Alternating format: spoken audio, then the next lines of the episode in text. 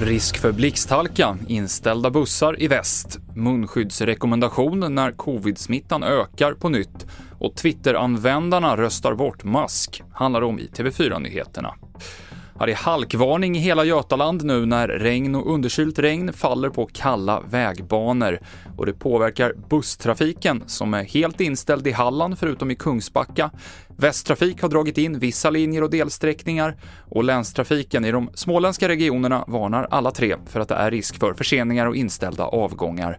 Från och med ikväll gäller halkvarningen även Svealand och sydligaste Norrland. En 34-åring som kände till att en kvinna satt inlåst och riskerade att mördas i Malmö åtalas eftersom han inte berättade det här för polisen. Enligt stämningsansökan visste mannen att kvinnan spärrats in i en lägenhet för att bli pressad på pengar. Två dagar senare blev hon mördad och även det kände han till på förhand enligt åtalet. I bevisningen finns bland annat kommunikation över en krypterad app mellan 34-åringen och den misstänkte mördaren.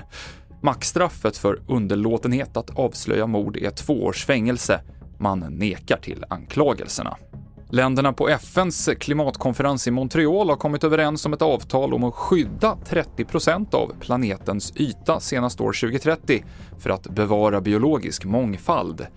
Vår vetenskapskommentator säger att alla åtgärder för att skydda den mångfalden är viktiga.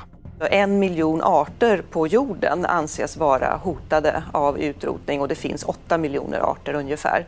Så det går ju väldigt snabb takt och det beror ju på hur vi lever och hur vi konsumerar och vad vi tar i anspråk av, av mark och hav.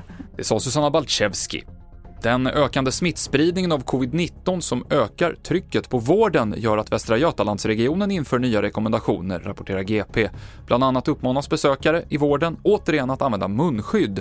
Idag så är det 348 covid-patienter som vårdas på sjukhus i Västra Götaland, nästan en fördubbling på två veckor. Och Twitters användare vill att den nya ägaren Elon Musk avgår som chef för plattformen, visar en omröstning som Musk själv la ut på Twitter.